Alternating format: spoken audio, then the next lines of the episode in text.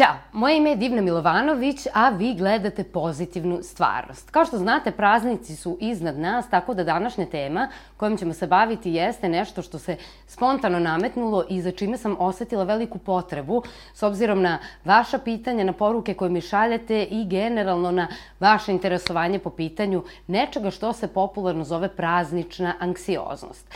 Kada kažem anksioznost, mnogi to povezuju sa nekim stresnim životnim situacijama i činjenica je da anksioznost zapravo jeste odgovor našeg tela na stres i baš zato nekima može da bude čudno kako to praznična anksioznost. Zar praznici nisu nešto najlepše, najveselije, najradosnije? Zar to nije period u godini kada provodimo vreme sa porodicom, prijateljima u slavlju, u piću, u jelu, u radovanju?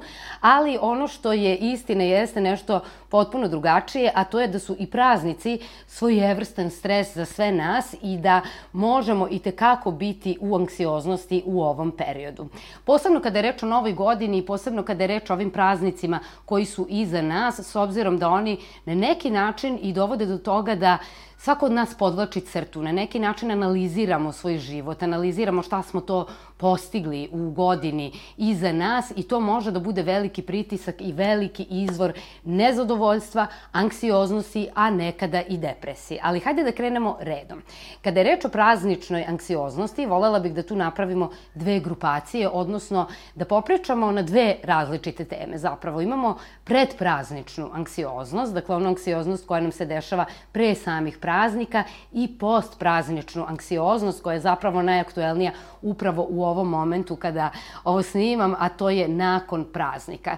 I sada ćemo reći nešto više o njima i ono što bih volela jeste da kroz ovaj video dobijete odgovore na svoja pitanja i naravno da vam dam različite tehnike i smernice kako da, ukoliko ste prepoznali da ste anksiozni baš usled praznika, izađete na kraj sa time da pomognete sebi, da sebe na neki način prigrlite i odnegujete, jer praznici bi zapravo trebali da pozivaju na to. Da volimo sebe više, da se okrenemo prvenstveno sebi, svojoj ličnoj dobrobiti i onome što je za nas suštinski važno. Ono što želim da kažem na samom početku kada je reč o toj predprazničnoj anksioznosti jeste da za nju postoji čitav niz razloga i proći ćemo kroz neke od njih, ali ono što morate znati jeste da naš unutrašnji kalendar, odnosno kalendar našeg bića, emotivni kalendar, često nije u skladu sa ovim kalendarom s polja. Odnosno, da to što dolaze praznici, da to što dolazi Nova godina, Božić, sve ono što slavimo u ovom periodu, ne mora obavezno u datom trenutku u vama da budi prijatne emocije.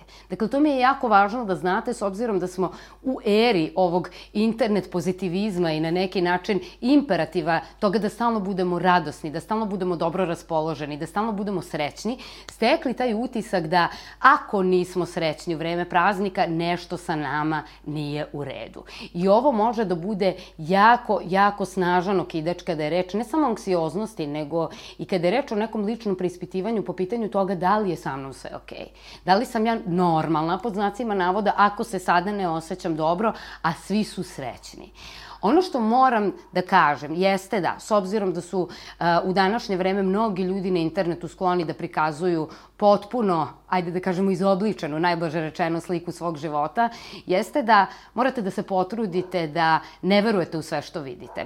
E, mi smo posebno kada je reč o ovom predprazničnom periodu negde zasuti tim videima i fotografijama gde sve to što se dešava izgleda tako idilično, gde su svi toliko srećni, svi se vole, svima super ide u životu, svi prave retrospektivu prethodne godine u kojoj nižu brojne uspehe, a izostavljajući možda sve ono što im se desilo, a da nije bilo tako lepo, da je bilo možda i bolno, da je bilo neka vrsta neuspeha i stičemo potpuno iskrivljenu sliku realnosti, odnosno kada gledamo sa strane imamo utisak da se drugima dešavaju samo lepe stvari, da drugima ide od ruke i da im se to dešava lako, a da je zapravo problem u nama, odnosno da mi ne umemo to da radimo na pravi način čim nismo postigli toliko toga u ovoj godini, čim nismo možda toliko raspoloženi za slavlje, čim nam nije toliko idealno.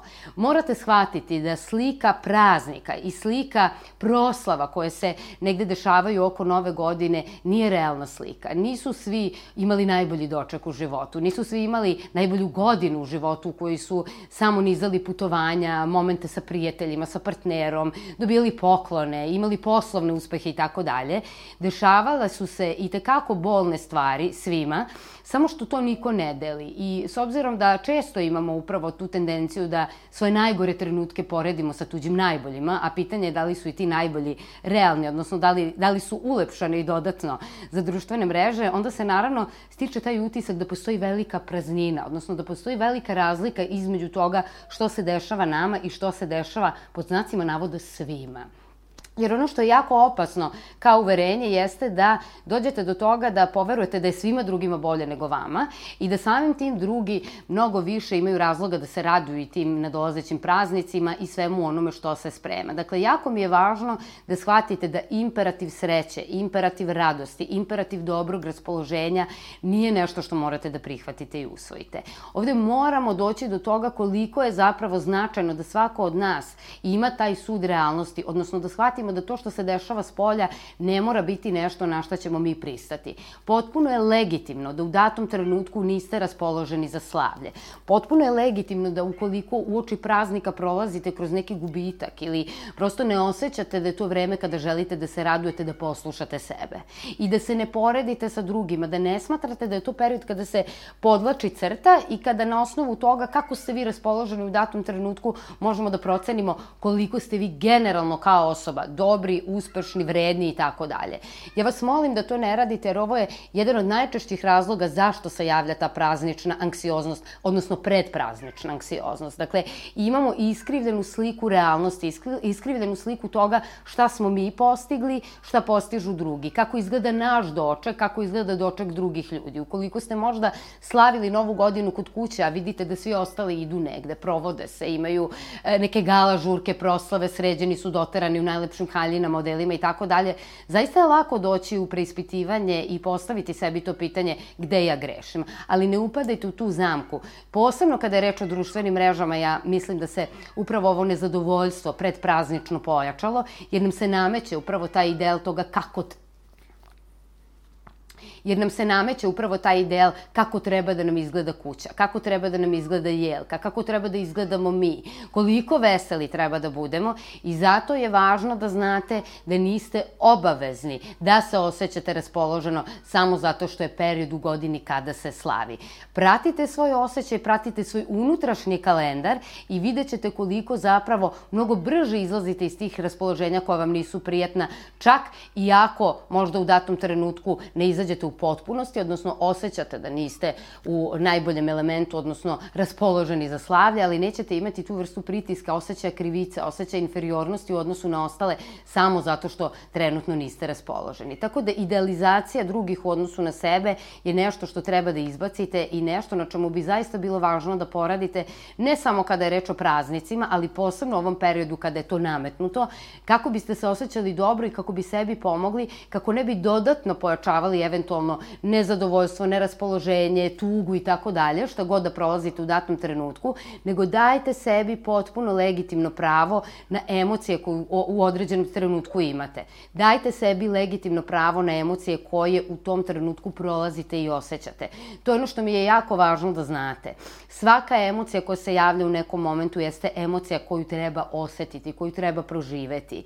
Nije cilj da ako smo tužni to zatrpavamo, da distraktujemo sebe, alkoholom, da distraktujemo sebe različitim navikama koje mogu biti štetne po nas, da po svaku cenu poričemo to kako se osjećamo i pravimo se da nam je bolje nego što jeste. To je ono što mnogi rade i zato morate znati da ljudi kojima možda zavidite na neki način ili im se divite baš u tom periodu, jesu ljudi kojima često može da bude i teže nego vama. I da ljudi koji se baš trude da okolini predstave svoj život kao najsavršeniji, često jesu ljudi koji su tim istim životom najnezadovoljniji. Ja volim da kažem pazi kome zavidiš, možda i ne postoji, a ovo može da se primeni na drugi način i da se preformuliše i u pazi kome se diviš, pazi ko ti je uzor, možda i ne postoji. Tako da važno je da zadržite taj sud realnosti i važno je da realno procenjujete ne samo sebe, nego i okolinu i da u skladu sa time kako se osjećate donosite odluke o tome šta ćete u datom trenutku raditi, šta vam prija, koliko želite da se družite, povezujete s ljudima, koliko želite da budete sami i tako dalje i tako dalje. Druga vrlo važna stvar koja može da bude i tekako veliki uzrok tog predprazničnog nezadovoljstva i anksioznosti jeste pomenuta retrospektiva godine koja je iza nas.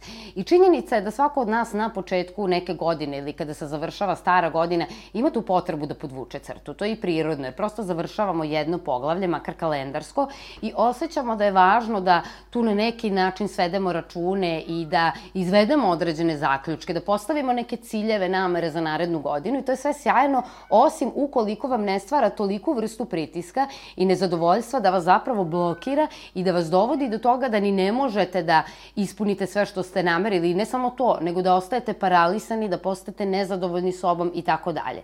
Ono što je važno kada je reč o retrospektivi jeste da promenite čitavu percepciju i pogled na nju, odnosno kako zapravo izgleda retrospektiva prethodne godine. Ono što mnogi rade jeste da zapravo analiziraju čemu sve nisu uspeli.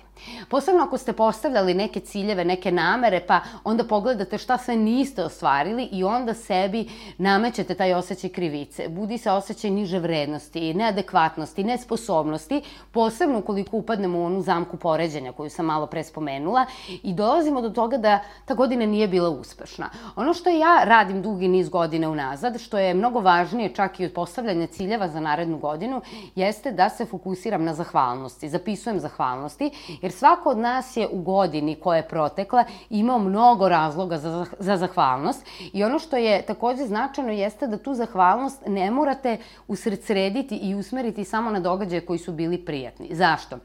Zato što upravo ti bolni trenuci, upravo momenti kada smo možda pretrpeli neke gubitke ili kada je nešto u što smo ulagali mnogo nada, mnogo truda, mnogo energije, ispalo drugačije od onoga što smo zamišljali i čemu smo se nadali, upravo ti momenti jesu najveće prilike za rast. Zaista bih volela da ovim videom na neki način kod vas probudim potrebu da redefinišete svoj pojam uspeha i neuspeha, odnosno da neuspehom ne proglašavate svaku situaciju koja nije ispala onakva kakvu ste očekivali, kako ste se nadali, jer upravo to što nekada ne ispadne onako kako smo hteli jeste najbolja stvar za nas, samo u datom trenutku to ne vidimo na taj način. I na kraju krajeva upravo to što smo možda doživeli ostavljanje, napuštanje, doživeli smo otkaz na poslu, izgubili smo neku osobu, koliko god to bilo bolno, dakle te bolne situacije, jesu najveća prilika za naš rast i razvoj. I volela bih da kada pravite tu retrospektivu, ako to radite, da se više fokusirate na to na čemu sam zahvalan ili zahvalna i da se dodatno fokusirate na to ukoliko je bilo bolnih trenutaka, sigurno jeste, svako od nas ima bolne trenutke i niko od toga nije pošteđen. Šta sam ja iz ovoga naučila? Kako je ovo pomoglo da ja postanem bolja, jača, snažnija, sposobnija osoba.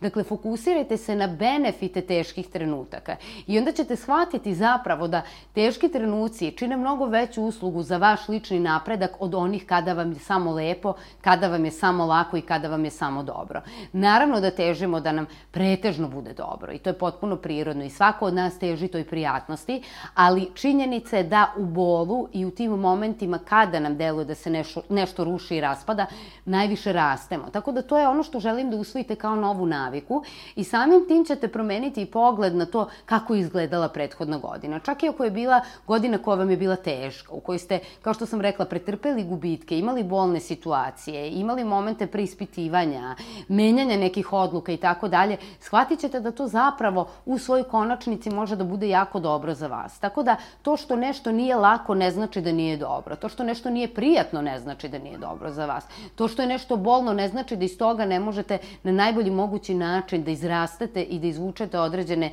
benefite za svoj lični rast, razvoj, dobrobit i tako dalje. Tako da ono što želim jeste da, kao što sam rekla, promenite percepciju po pitanju retrospektive, sagledavanja godine koja je iza vas, sagledavanja svojih uspeha, neuspeha, da ih redefinišete i da samim tim što ćete više fokusa staviti na zahvalnost, a manje na to šta nemate, šta nije ispalo, na nedostatak nedostatak, doći ćete do toga da potpuno drugačije sagledavate sve što se desilo, a samim tim i vaš osjećaj u sadašnjosti po pitanju te godine koja se završava biće potpuno drugačiji. Anksioznost će, ako ne nestane u potpunosti, biti mnogo manjeg intenziteta, jer nećemo biti toliko nezadovoljni. Mi smo anksiozni kada smo u raskoraku, mi smo anksiozni kada smo pod stresom. I praznici, između ostalog, i jesu pod stresom jer nas pozivaju na to da merimo, da preračunavamo, da svodimo zaključke i tako dalje. Ukoliko u datom trenutku nismo zadovoljni presekom, može biti i tekako stresno i može i tekako biti okidač za anksioznost. Ono što želim jeste da zapravo dovedete sebe do tog stanja da kada se dešava neki presek kalendarski, objasnite sebi da to i ne mora biti vaš lični presek, odnosno vi možete praviti svoju retrospektivu godine koji za vas i 23. marta, ukoliko osetite da je to period kada počine ne, neka vaša etapa u životu koja je nova, u kojoj želite neke promene. Dakle, sama činjenica da je nova godina i sama činjenica da su praznici, da se završava jedna kalendarska godina, uopšte ne mora biti razlog da pravite retrospektivu ukoliko se ne osjećate spremni za nju, a ukoliko je već pravite, ono što mi je važno jeste da je uradite, odnosno napravite na pravi način, a to je kroz zahvalnost, kroz sagledavanje situacija iz perspektive toga kako mi je ovo pomogla, kako je ovo služilo za mene, kako je ovo bilo dobro za mene i na koji način ovo mogu da iskoristim. Još jedan od čestih razloga za predprazničnu anksioznost, a nekada i depresiju, jeste činjenica da su ovo dani kada se mnogi od nas povezuju ponovo sa porodicom, kada provodimo, kao što sam rekla, puno vreme sa prijateljima i sa bliskim osobama. I ovo može biti jako izazovno za sve one koji su iz bilo kog razloga onemogućeni da na taj način provode svoje vreme. Dakle, ukoliko ste daleko od porodice ili ukoliko ste daleko od prijatelja, od partnera, ukoliko ste možda nekoga izgubili, ukoliko ste nedavno doživeli raskid, razvod, ukoliko je neki član porodice možda otišao iz vašeg života na bilo koji način, ovo može biti zaista izazovan period. I neću vas na bilo koji način navoditi da to potisnete, jer je to najpogrešnije što možete da uradite. Ja sam spomenula na početku taj imperativ sreće i dobrog raspoloženja i ono što mnogi rade u ovim fazama jeste da sebe na neki način forsiraju da se dobro osjećaju. I sve što se time postiže jeste zapravo potiskivanje potisnutanje emocija, a potisnute emocije, kao što znamo, ne nestaju bez traga. One su i dalje tu i dalje samo čekaju priliku i novi okidač kada će se ispoljiti. Tako da, ono što je najzdravije jeste da ukoliko u prazničnom periodu prolazite kroz neku tešku fazu svog života, prolazite kroz to da ste nekoga izgubili ili da ste odvojeni od porodice, prijatelja, partnera, kao što sam rekla, da ste možda doživeli raskid neke veze, nekog odnosa i tako dalje, želim da sebi dozvolite da prolazite prolazite neometano kroz svoj proces preboljevanja nevezano od toga što su praznici. Proces preboljevanja ima četiri osnovne faze koje ću sada spomenuti i nećemo o njima duže pričati jer nam to nije tema, ali želim da znate da ukoliko se bilo koja od ovih faza preklopi sa praznicima, ne znači da treba da potiskujete, ne znači da treba sebe da ubrzavate u tome.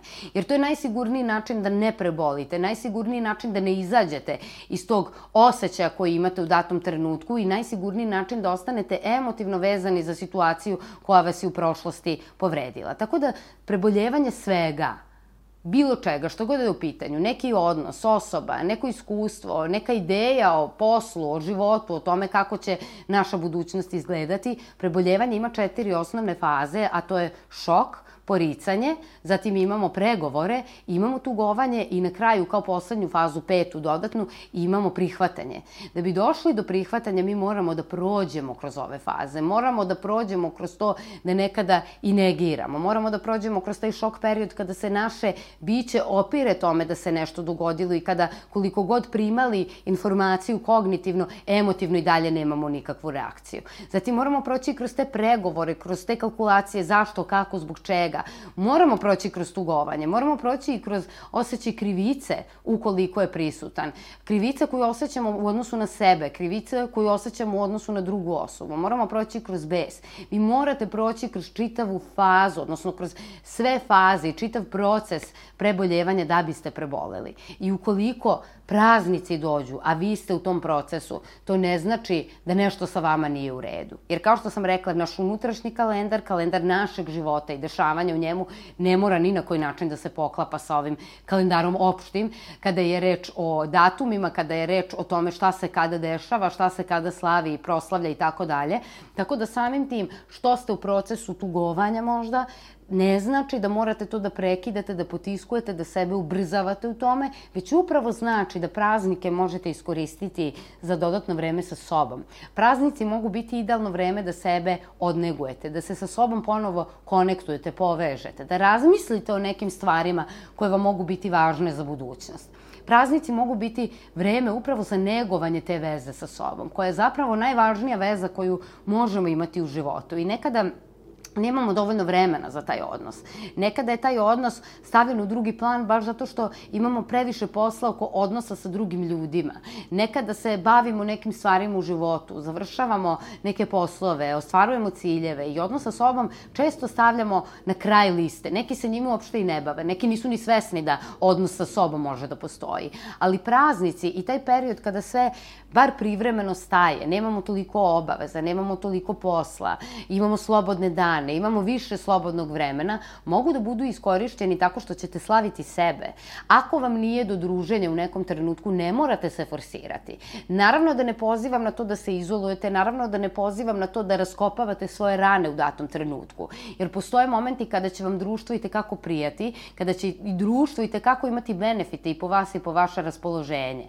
Ali na vama je da procenite da li će vam prijatnije biti i da li će za vas u većoj meri isceljujuće biti da ostanete sa sobom, da sebe odnekujete, da sebi na neki način pružite tu ljubav koja vam možda nedostaje od drugih ili da odete u društvo, odete među ljude i tu na neki način ostvarite konekciju, povezanost i dobijete tu vrstu pozitivne energije koja vam u datom trenutku nedostaje. Tako da želim da praznike shvatite na jedan širi način, da im pristupite drugačije i da izbegnete ove tri zamke, a to je da ukoliko ste neko koji je na neki način žrtva idealizacije drugih, idealizacije sveta oko sebe, da prestanete sa tim, da pogledate stvari realno, da shvatite koliko zapravo to što nam se nameće, kako nešto treba da izgleda, na koji način moramo da se osjećamo i kako mi treba da svoj život vodimo, ne mora da bude nešto na što ćete vi pristati. Zapravo, najbolje bi bilo da svoja pravila u svom životu diktirate vi.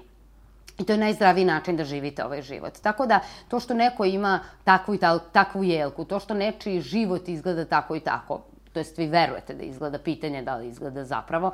To što je neko novu godinu čekao tu i tu, a ja sam recimo bila kod kuće, ne znači ništa. Vaš život, vaša pravila. Prestanite da sebe merite kroz perspektivu toga kako tuđi životi izgledaju, koja može biti vrlo, vrlo zakrivljena, zamagljena nekim iluzijama i tako dalje. Tako da nemojte praviti tu veliku razliku između sebe i drugih tako što ćete druge gledati u njihovim najboljim izdanjima, a sebe u onim kada ste najlošiji, kada smatrate da ste najslabiji i kada se najlošije osjećate, nemojte se porediti i dozvolite sebi da vama praznici izgledaju na način koji vama u tom trenutku odgovara. Zatim, retrospektivu određene godine nemojte praviti tako što ćete sebe kritikovati, nemojte to raditi iz te pozicije, radite iz pozicije zahvalnosti, radite iz pozicije šire slike gde ćete čak i iz događaja koji su vam bili nepoželjni, bolni, u kojima ste možda propatili, moći da izvučete neku lekciju, ne, neki benefit i nešto dobro za sebe. I ono što je takođe važno da ukoliko tugujete, ukoliko ste u procesu preboljevanja, ukoliko ste možda izdvojeni od vama bliskih ljudi, ne forsirate sebe na to da se osjećate dobro po svaku cenu, nego da dozvolite sebi emocije koje su u datom trenutku prisutne. Emocije nisu tu slučajno, emocije nisu tu bez razloga i emocije treba vrlo doživljavati kao jednu vrstu putokaza i kao jednu vrstu smernice po pitanju toga šta bismo mogli da radimo drugačije, šta bismo mogli da menjamo, kako mi reagujemo na ovo što nam se trenutno dešava. Treba ih posmatrati i kao jedan signal vezano za to kakva uverenja imamo, jer mi nismo nikada tužni zbog toga što se dešava, već zbog toga što je naše uverenje po pitanju određene situacije tako i tako. Isto se odnosi i na prijatne emocije. Dakle, uverenja vezano za određene situacije su tako adiktiraju naše naše emocije. Tako da emocije treba i tekako uzimati u obzir, stavljati u preispitivanje, proći kroz njih, jer one ne mogu da traju večno i ukoliko ih ne potiskujete, one neće biti tu večno, koliko god bile neprijatne i zato, bez obzira što su praznici, što je nova godina, što treba da izađemo i da smo najsrećniji, jer je to najsrećniji dan u godini, kako da ne, nemojte sebe ometati ako se osjećate na drugačiji način i to je potpuno okej, okay, to je potpuno legitimno i imate pravo na to. Ono čemu sada želim da pričam jeste postpraznična anksioznost. Nešto što je možda u ovom trenutku mnogo aktuelnije i nešto što možda neki od vas i prolaze. Dakle, praznici su prošli, jelo se, pilo, uživalo, odmaralo i tako dalje ukoliko ste bili u toj kategoriji ljudi. I ono što je sada na dnevnom redu jeste povratak u rutinu. Povratak stvarnom životu. I mnogi su čak e, proglasili zapravo za najdepresivniji dan u godini upravo treći ponedeljak u januaru i on nosi taj popularni naziv Blue Monday. Mi ga prevodimo kao plavi petak, ali zapravo Blue bi trebalo da označava tugu. Tako da mnogima je taj ponedeljak tužan. Naravno, ovu statistiku ne morate uzimati zdravo za gotovo, niti treba. Ovo je osjećaj koji mnogi imaju i nakon povratka sa odmora, nakon povratka sa bilo kakve pauze, u odnosu na život koji vode do tada i na život koji su vodili, koji će voditi, dakle na njihove standardne obaveze, rutine i tako dalje. I prija nam taj izlazak iz sobstvenih okvira i svega onoga što nam svakodnevica nameće i u tom smislu jeste teško ponovo se vratiti. I mi za vreme praznika imamo taj na neki način osjećaj da će život biti mnogo lepši nakon što se sve to završi. Donose se velike odluke, prave se veliki planovi. Ukoliko se neko ko tome megalomanski pristupa, velika je šansa da ste sebi zadali i velike ciljeve i da je u tom trenutku to delovalo zaista izvodivo, realno moguće i tako dalje. I ono što se dešava usled tih praznika i te izmeštenosti iz svakodnevnog života jeste da dobijemo mnogo veću motivaciju. U proslavama smo, u slavlju smo, tu su oko nas ljudi, ukoliko ste, kao što sam rekla, na taj način proveli praznike i mnogo je lakše poverovati da će u buduće biti lepše, lakše, magičnije i usled te magije praznične i euforije koji su neki skloni i podložni, dolazi do velikih planova, odluka, ciljeva i tako dalje i postavimo sebi mnogo više ciljeva nego što smo u stanju da zapravo ispunimo. I onda kada stupi realnost na dnevni red, odnosno kada se desi taj šamar realnosti, dolazimo do toga da ništa od onoga što smo zacrtali zapravo nismo počeli da radimo, dolazi do toga da nam se ne da, da nas mrzi, da smo zapravo umorni, da smo možda dobili kilograme, da smo možda zapravo tek sada spremni za odmor i za neku vrstu detoksa, a treba da se vratimo u normalu i u kolosek. I ovo jeste teško, jer izlazimo iz jednog perioda koji traje sigurno mesec i po dana, jer već na početku decembra polako počinjemo da ispadamo iz te rutine. Dešavaju se različite proslave i u toku samog decembra već se pripremamo, kupujemo poklone, prisutna je ta euforija, onda zatim taj početak januara kada odmaramo, kada se i dalje slavi i već sad ova sredina negde posle 15. kada zapravo zvanično treba da se vratimo svojim životima, može da bude teška, može da bude izazovna, da ne pričamo u finansijskom smislu ukoliko smo se istrošili, kupovali, nakupovali, kažem, ako to radite megalomanski tim, je teže vratiti se u standardne okvire, okvire, tako da ono što e, nastupa jeste upravo ta vrsta i anksioznosti kod nekih i depresije. Ono što moram da naglasim jeste da praznična anksioznost i praznična depresija nisu nešto što postoji u klasifikaciji, ali postoji u praksi i ne moramo shvatati to na najbukvalniji mogući način. Ja bih ovo više nazvala nekom epizodom neraspoloženja, ali popularno to zovemo depresijom, iako je prava depresija nešto potpuno drugačije. I možemo biti anksiozni, možemo biti nervozni po pitanju toga šta sve treba da uradimo, sa čime smo možda u zaostatku, koliko sada obaveze imamo i kako se vratiti iz tog perioda odmaranja u ovu rutinu kada završavamo stvari, kada smo produktivni, aktivni i tako dalje. I kao što sam rekla, mnogima to teško pada. Ono što bih e, na neki način sugerisala da bude kao vrsta leka za ove situacije jeste da što je moguće blaže ono što bi moglo da bude neka vrsta leka, odnosno ono što bih mogla da sugerišem kao neku vrstu leka za ove situacije jeste da što je blaže i postepenije moguće vraćate sebe u normalu, odnosno da se vraćate svojim dnevnim obavezama, svojim dnevnim aktivnostima i tako dalje. Dakle, ne morate, ako ste praznovali dve nedelje, tri nedelje, odmah prvog dana uraditi sve što inače radite. Počnite postepeno da se vraćate nekim rutinama, navikama, počnite možda i par dana ranije, ukoliko počinjete da radite od nekog datuma, počnite par dana ranije da ustajete pre vremena, odnosno da se pripremate na neki način. Počnite par dana ranije da se hranite malo drugačije, da se šetate, da se vraćate fizičkoj aktivnosti i vidjet ćete koliko zapravo taj prelaz ne mora da bude tako oštar i grubi, ne mora da bude toliko stresan. To je ono što je isto važno, da shvatimo da je taj povratak u rutinu i povratak dnevnim navikama i aktivnostima takođe veliki stres nakon perioda praznika koji je trajao pa sigurno mesec dana za neke. Tako da ono što treba da uradite za sebe jeste da u ovom periodu budete što blaži, što nežniji prema sebi i ono što je najvažnije jeste da ciljeve postavljate realno. Veliki okidač za anksioznost u ovom periodu jeste upravo to nezadovoljstvo kada dođemo do toga da je već 15. januar, a mi nismo uradili ništa po pitanju nekih ciljeva koje smo možda postavili 1. ili 31. decembra i tako dalje. Mnogi imaju, kao što sam rekla, jako velika očekivanja od sebe i onda tu krenu različite odluke o tome koliko ćemo kilograma izgubiti, da ćemo trenirati svaki dan, da ćemo početi da učimo nov jezik, da ćemo zarađivati toliko i toliko i to sve deluje jako lepo kada smo motivisani, ali onda kada motivacija splasne i kada nam ostane samo disciplina koja je zapravo zadužena za to da postižemo neke ciljeve i da do, do, dovodimo do nekih promena u svom životu, mnogi nemaju tu disciplinu u tom periodu, čak i oni koji su generalno disciplinovani i tu dolazi do velikog razočarenja. Ono što je negde istraživanje pokazalo jeste da se najveći broj novogodišnjih odluka i ciljeva zapravo u potpunosti izjalovi već do polovine januara i tu jeste jedan veliki izvor nezadovoljstva, jer ukoliko ste doneli recimo odluku da ćete više voditi računa o svojoj kilaži, o svojoj formi, da ćete se hraniti zdravo, da ćete izgubiti određeni broj kilograma, a vi ste zapravo dobili određeni broj kilograma, niste se hranili zdravo, sve vreme ste pili alkohol, jeli i tako dalje, naravno da je to već izvor velikog nezadovoljstva i frustracije. I zato bih voljela da vas na neki način pozovem da ciljeve postavljate malo realnije, odnosno da ne budete toliko nastrojeni da možete i morate sve. Mi smo često skloni da precenjujemo sebe po pitanju toga šta možemo da uradimo za jednu godinu, ali se isto tako i podcenjujemo u odnosu na to što možemo da uradimo za pet godina.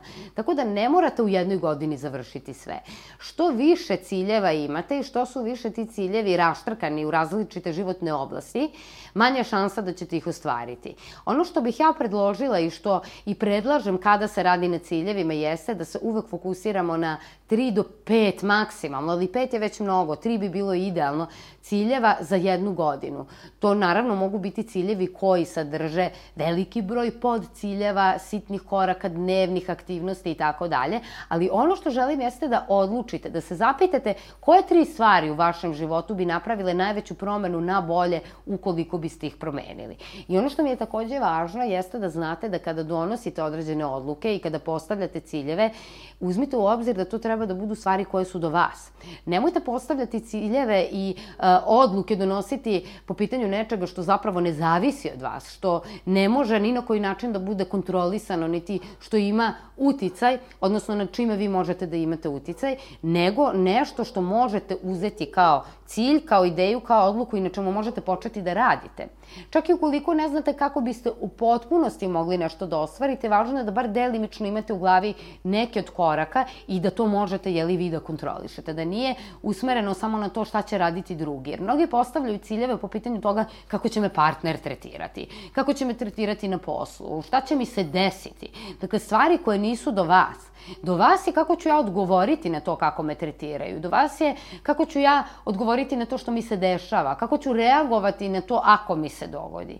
Ali to nije vaš cilj. Vaš cilj može da bude promenjena reakcija, ali ne drugačije ponašanje druge osobe ili neka okolnost nad kojom nemate nikakav uticaj niti kontrolu. Dakle, odlučite se za recimo tri cilja To mogu biti tri cilja koja su u jednoj životnoj oblasti, mogu biti u tri različite životne oblasti, ali je važno da budete fokusirani. Jer ono što često vidim jeste da ljudi postave sebi cilj, želim da napredom u karijeri, želim da zarađujem više, onda s druge strane vidite cilj u nekoj drugoj kategoriji, želim više vremena sa prijateljima, porodicom i tako dalje.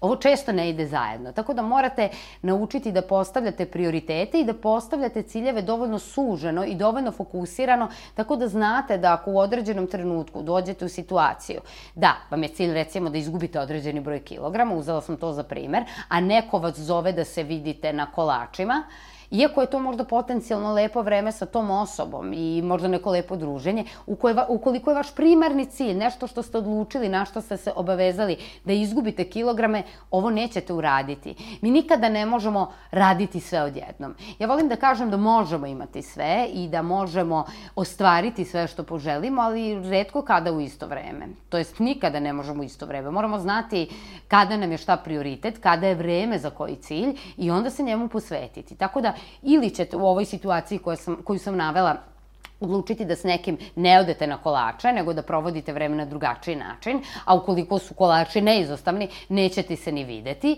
ili ćete ugroziti svoj cilj. Ali važno je da znate da li mi je važnije to da mi trenutno bude lepo, ili mi je važnije da ostvarim to i to. I potpuno je legitimno da želite da vam trenutno bude lepo. Jer ukoliko mi je cilj da u ovoj godini više uživam, da dam sebi oduška, da, to će mi biti prioritet.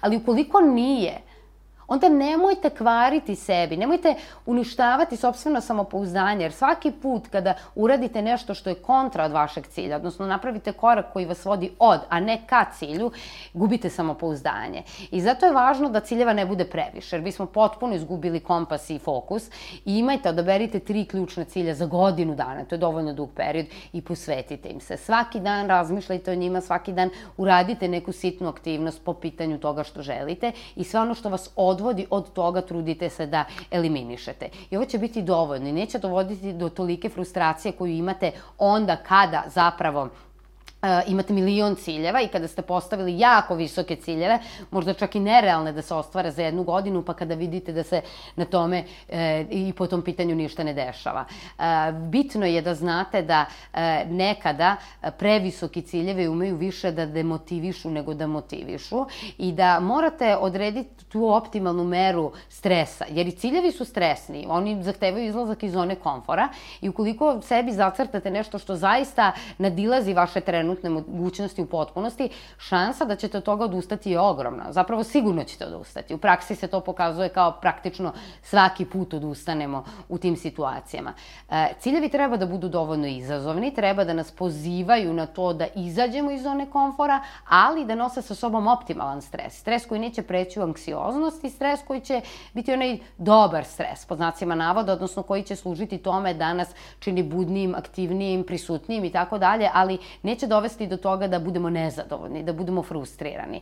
Pažljivo određujte kuda se krećete u životu, na koji način definišete svoju putanju u životu i pažljivo određujte na koji način od sebe neke stvari zahtevate, jer to može u velikoj meri uticati ne samo na motivaciju, ne samo na to kako ćete se osjećati, nego na kraju krajeva i na vaš konačni učinak. Jer ako ste stalno anksiozni po pitanju svojih ciljeva, velika je šansa da nećete ništa preduzimati po pitanju njih, da će vam e, biti veći izvor nezadovoljstva nego zadovoljstva. I to je važno da znamo u ovom periodu kada je prisutna ta postpraznična anksioznost, koja zaista ima velike veze i sa povratkom u rutinu, sa povratkom u to što nam se ne sviđa, što nam je naporno, što nam je dosadno i tako dalje, ali i sa time što smo možda već u prethodnih 15 dana sebe razočarali po pitanju nekih odluka koje smo doneli na samom kraju prethodne godine. E, a kada smo bili jeli, u velikoj euforiji, motivisani, uvereni da će sledeća godina promeniti sve. Važno je da znamo da nova godina ne menja ništa. Ono što menja zapravo naše živote jeste naša odluka, menja naša spremnost da pravimo promene.